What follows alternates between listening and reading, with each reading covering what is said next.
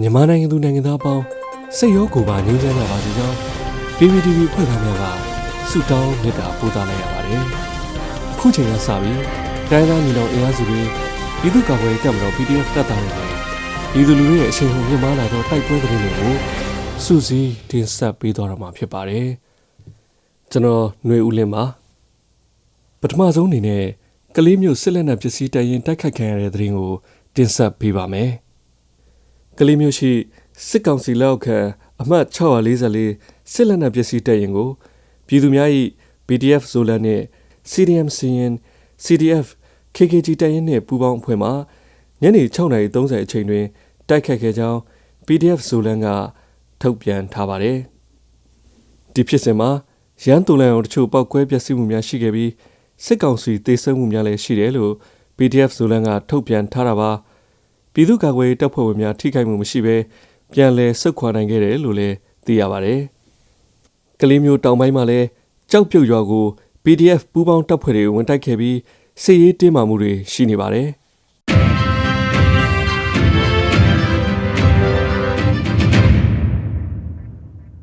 ဆက်လက်ပြီးတင်ဆက်မှာကတော့တထုံမြို့နယ်စစ်ကောင်စီတပ်နဲ့ KNL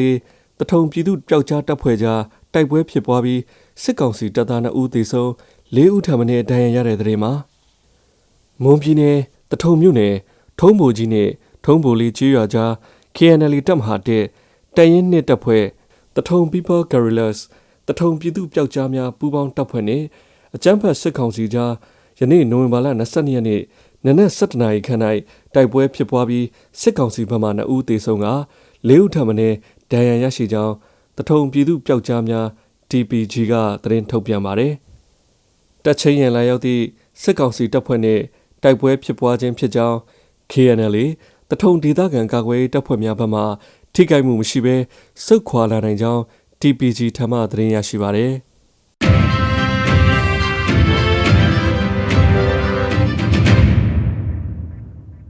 ဆက်လက်ပြီး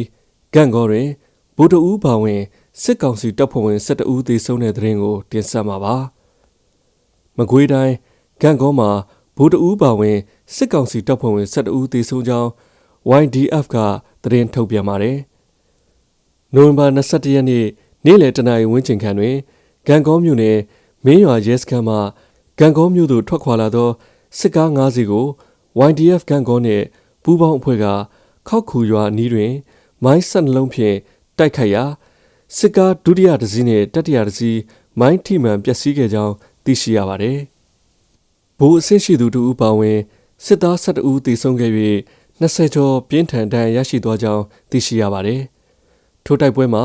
ကပ္ပစထုတ် MAG 400ကျော်စစ်ယူနီဖောင်း2စုံကြည်ပေါက်2ခုဘေးအိတ်2စုံ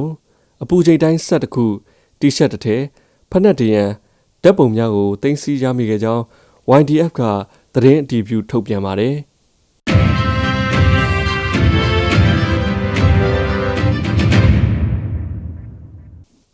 ဆက်လက်ပြီး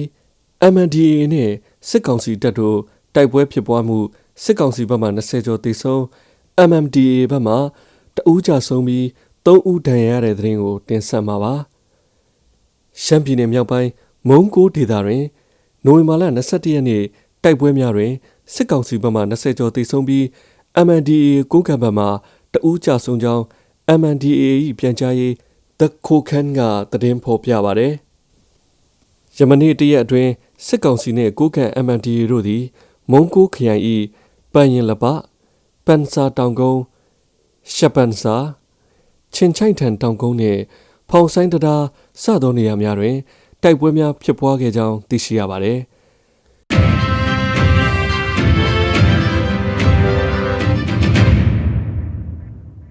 နောက်ဆုံးအနေနဲ့အမျိုးသားညီညွတ်ရေးအစိုးရပြည်ထောင်စုနဲ့လူဝင်မှုကြီးကြပ်ရေးဝန်ကြီးဌာနက နိုဝင်ဘာလ22ရက်နေ့ရက်စွဲနဲ့ထုတ်ပြန်တဲ့ပြည်သူခုခံတော်လှန်စစ်တရင်အချက်လက်တွေကိုတင်ဆက်ပေးသွားမှာပါ။အာဏာသိမ်းအကြမ်းဖက်စစ်အုပ်စု၏ပြည်သူလူထုပေါ်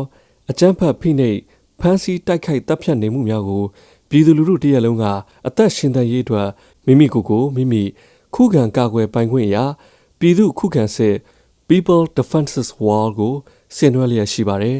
။သတင်းချက်လက်များအရ21ရက်17လ 2021ရက်နေ့တွင်စစ်ကောင်စီတပ်ဖွဲ့ဝင်23ဦးသေဆုံးပြီးထိခိုက်ဒဏ်ရာရရှိသူ19ဦးအထိခုခံတိုက်ခိုက်နိုင်ခဲ့ပါတယ်။စစ်အာဏာရှင်စနစ်မြမမြေပေါ်မှာအပြီးတိုင်ချုပ်ငြိမ်းရေး Federal Democracy တိဆောက်ရေးအတွက်ငြိမ်းချမ်းစွာဆန္ဒပြသည့်လူထုတပိတ်တိုက်ပွဲများကပြည်내နဲ့တိုင်းဒေသကြီးများမှာဖြစ်ပွားပေါ်ပေါက်လျက်ရှိပါတယ်။မြေပြင်မှာယခုတွေ့ရတဲ့သတင်းအချက်အလက်များထက်ပို၍ဖြစ်ပွားနိုင်ပါတယ်ခင်ဗျာ။